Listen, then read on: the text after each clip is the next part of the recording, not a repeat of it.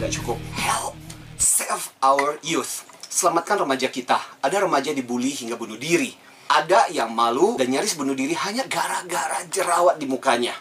Berita remaja yang berantem dengan orang tuanya gara-gara gadgetnya diambil juga sering terjadi.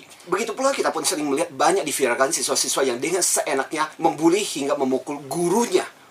Gurunya pun tidak berani melawan dan demi mendapatkan follower dan like yang banyak, beberapa remaja nekat melakukan foto berbayang ujung-ujungnya merenggut nyawanya. Help! Ini alarm kehidupan remaja dan kaum muda kita saat ini. Orang tua banyak bertanya, kenapa anak zaman sekarang itu berbeda kedewasaan dan tanggung jawabnya dibandingkan saya dulu ya? Terus guru pun berteriak, tolong, kita sebagai guru harus ngapain? Kita nggak boleh keras dengan anak-anak sementara anak-anak ini makin susah diatur, makin malas, dan makin susah dikasih tahu. Tapi itulah dilema pendidikan bagi anak muda kita saat ini. Nyatanya selama ini kita masih menggunakan ukuran kepintaran sebagai ukuran sukses tidaknya dalam mendidik anak. Orang tua bangga ketika rapot anaknya bagus, ranking di sekolah, tapi tidak sadar bagaimana cara anak mendapatkan angka-angka itu. Kelak ketika lulus barulah kita orang tua tahu rasa.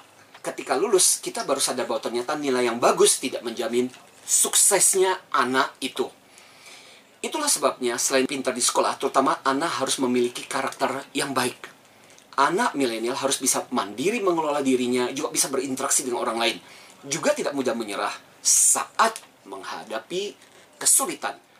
Itulah bagian dari yang namanya kecerdasan emosi.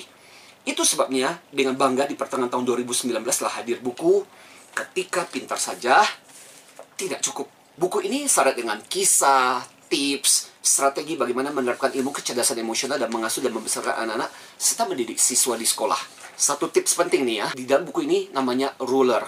Bayangkan ruler penggaris apa itu? Itulah teknik sederhana untuk melatih kecerdasan emosional anak muda. Ruler itu singkatan dari R, recognizing the pattern of self and others. U itu understanding the consequences of your action. Jadi memahami konsekuensi dari tindakan. L labeling the emotion of self and others. E expressing the emotion appropriately. R regulating the emotion for constructive result. Ya, jadi kalau dijabarkan selain pintar di sekolah, maka anak muda yang sehat karakternya harus bisa diterapkan prinsip yang namanya ruler tadi. Pertama-tama yaitu recognizing. Ia mampu membaca pola-pola kebiasaan dirinya dan orang lain. Dengan begitu, ia mampu mengatur dirinya dan mengantisipasi orang lain. Dua, U, understanding. Jadi, ia mengerti dan mempertimbangkan konsekuensi akibat dampak dari tindakannya. Kalau dia ngomong begini dan ambil sikap tertentu, apa dampaknya? Jadi dipertimbangkan. Ketiga, ia itu yang disebut dengan L, labeling. Ia bisa melabel, menamai atau menyadari apa emosi yang dirasakan dirinya dan ditunjukkan oleh orang lain. Keempat, E, expressing. Dia mampu mengekspresikan emosinya secara tepat.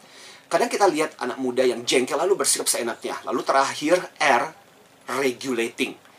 Dia bisa mengarahkan emosinya justru menjadi energi yang konstruktif. Pentingkah itu? Oh, penting banget. Makanya para orang tua dan para pendidik menjadi sadar dan mulai mengajarkan pada anak-anak mereka, inilah buku soal IQ parenting yang hadir di tengah-tengah kita. Buku pintar aja nggak cukup. Sebuah buku yang wajib dibaca para orang tua, pendidik, ataupun eksekutif sibuk dalam membesarkan anak-anak yang jadi penerus masa depan. Karena kita percaya, mari kita selamatkan masa depan anak-anak muda kita. Save our youth. Dan untuk mereka, pintar saja tidak cukup. So, buku ini ditulis dengan kondisi kepepet. Ceritanya tanggal 22 September kemarin ada sebuah wacana untuk memberikan kepada guru-guru ini dalam rangka menyambut Hari Santri di Pasuruan. Pada waktu itu karena guru-guru seluruh Jawa Timur kurang lebih akan berkumpul cukup banyak dan kita kepikir gimana caranya membekali mereka dengan sesuatu untuk character building. Akhirnya dari pihak Gramedia dua bulan sebelumnya menghubungi saya dan kemudian Pak Antoni kan Bapak melalui Smart FM dan beberapa tulisan-tulisan itu banyak menginspirasi untuk para guru dan Bapak sendiri punya program yang namanya Youth Camp. Mau nggak Pak? Tolong dibuatkan sebuah wacana gimana sih sebenarnya memberikan pendidikan alternatif supaya para guru tidak cuma fokus pada pendidikan akademik rapot, tapi juga punya sesuatu yang bisa jadi alternatif buat mereka. Waktunya cuma dua bulan. Dua bulan saya mikir, mikir, mikir bisa nggak ya, bisa nggak ya. Tapi bagusnya adalah tabungannya banyak. Salah satu bawahnya thanks to Smart FM karena kita udah sering kali ngobrol kan. Topik-topik ngobrolin tentang sekitar parenting tentang uh, remaja kita juga sering kali mengundang tamu. Nah bahan-bahan itu sebenarnya sudah ada. Dan akhirnya dalam waktu dua bulan, kita kebut tuh. Jadi biasa. ini adalah sebuah buku yang tidak kita rencanakan sebenarnya dan thanks to teman-teman terutama untuk Majelis Ulama Indonesia yang ada di Pasuruan dalam rangka menyambut Hari Santri 22 Oktober. Kadang kalau kita tidak memepetkan, menjorokkan kita ke satu situasi, kadang kita nggak tahu kemampuan kita, kadang kemudian nggak terpikirkan. Tapi ketika memang udah kepepet, akhirnya kemudian jadi juga. Di awal buku ini, saya bercerita tentang ilmu kepepet itu ketika saya masih kecil, pertama kali berenang. Ceritanya kan waktu itu saya tinggalnya itu kan dekat dengan Sungai Kapuas. Jadi waktu itu ibu saya sering kali bantu tetangga dan tetangganya lagi ada acara catering dan ibu saya akan meninggalkan anak-anaknya. Mungkin ada semingguan. Kan ibu saya takut. Gimana kalau seandainya anak-anaknya main ke Sungai Kapuas cemplung kan bahaya sekali. Dan akhirnya kemudian ibu saya inisiatif, pokoknya dalam waktu yang mepet anak saya harus bisa berenang. Uh, diajarin lah bolak-balik di sungai. Dan akhirnya dalam waktu itu bisa tuh. Makanya kadang kita harus dijorokin tuh dalam satu situasi kondisi yang membuat kita akhirnya mau nggak mau. Ada juga orang tua kepepet. Tadinya setelah menikah, udah deh, nanti kita setahun dulu deh, dua tahun dulu Udah deh setelah deh. menikah baru punya anak.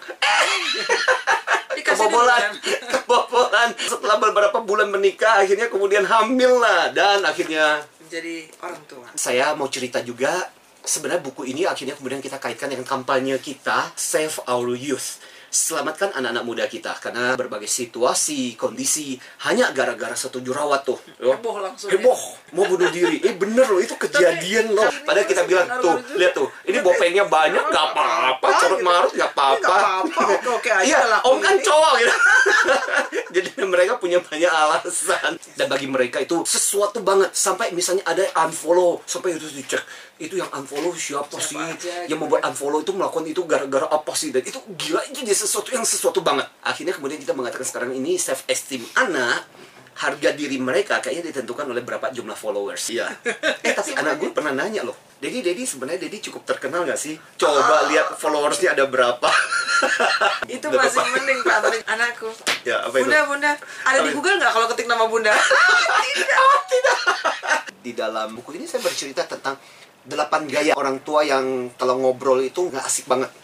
Ada yang gaya detektif, ada yang gaya cewek. artis, easy going. Terlalu menyembelihkan masalah anaknya. Bun, aku mau cerita, Bun. Udah berlinang air mata nih.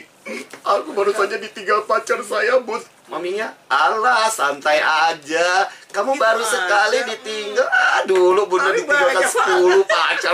Ada gaya invalidator. Jadi anaknya melakukan sesuatu tapi kemudian ditolak. Gaya monopoli, gaya interruptor, Banyak ya. robot, sok tahu, gaya penasihat. Sampai ini ada 10 setengah tips buat para pengajar, buat para guru. Contoh gunting. Putuskan jangan bawa emosi negatif dari luar.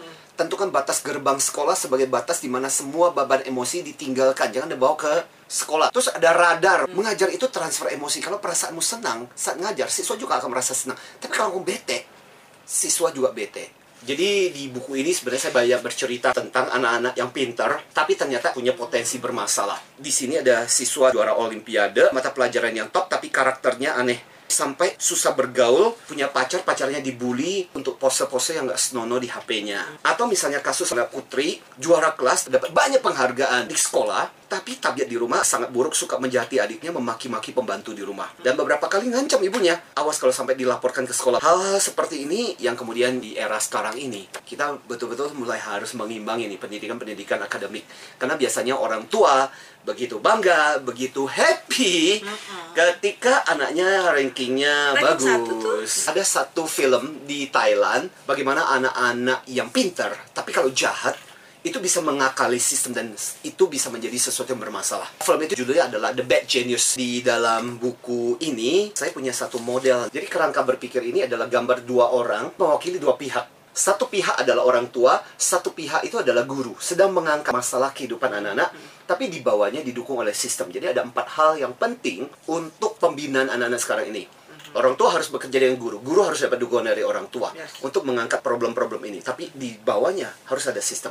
Makanya selalu ada Kenapa? komite Jadi, PMG. nah Gitu. betul. Kenapa banyak anak-anak pintar tapi bermasalah? Bermasalah. Satu, bisa jadi karena banyak over expectation dari orang tuanya. Jadi sumber persoalannya sebenarnya ada di orang tuanya. Dan kemudian bisa juga karena itu cuma sekedar sarana pemenuhan ambisi orang tuanya. Pinter karena orang tua. Karena orang tuanya Yang ngepus dia yang ngepus dengan luar biasa. Jadi anak ini jadi dokter, kamu kamu ingin ya? Enggak sih, sebenarnya mama saya suruh saya jadi dokter. Loh, Intinya para orang tua kalau anak anda masih ada yang nyari, misalnya panggil ya Andi, Andi gitu. Ya mas bersyukurlah berarti anak anda pergaulannya masih sehat. Tapi kalau sampai anak anda nggak ada yang peduli, nggak ada yang datang Kita di rumah ngurung, nah harus bertanya-tanya. Itulah perbedaan anak-anak Ya, dulu dengan dulu. anak sekarang ya. Sampai aku kemarin aku waktu launching di Jogja itu aku cerita gini. Tahu nggak? Dulu waktu ketika aku masih kecil, kita main tuh sampai maghrib udah gelap, nggak pulang-pulang, sampai harus diteriakin para orang tua pulang, baru kemudian kita pulang. Lah anak-anak sekarang beda, saking sering di dalam rumahnya, sampai orang tua harus narik, ayo sana keluar, main di luar, jangan di dalam rumah. Saya mau tutup dengan puisi ah. Jika anak-anak hidup dalam keserakahan, mereka akan jadi egois. Jika anak-anak hidup dengan kemarahan, maka mereka akan jadi suka menyakiti. Jika anak-anak hidup penuh ketakutan, mereka akan jadi penakut. Jika anak-anak hidup dalam rasa berbagi, mereka akan belajar bermurah hati. Jika anak-anak hidup dengan rasa hormat, mereka belajar kejujuran. Jika anak-anak hidup dengan ambisi, mereka belajar untuk mengejar impian mereka. Jika anak-anak hidup dengan dukungan, mereka belajar untuk menjadi percaya diri. Hai orang tua, tanya pada diri Anda, di dalam rumahmu, anak-anak mau hidup dengan apa?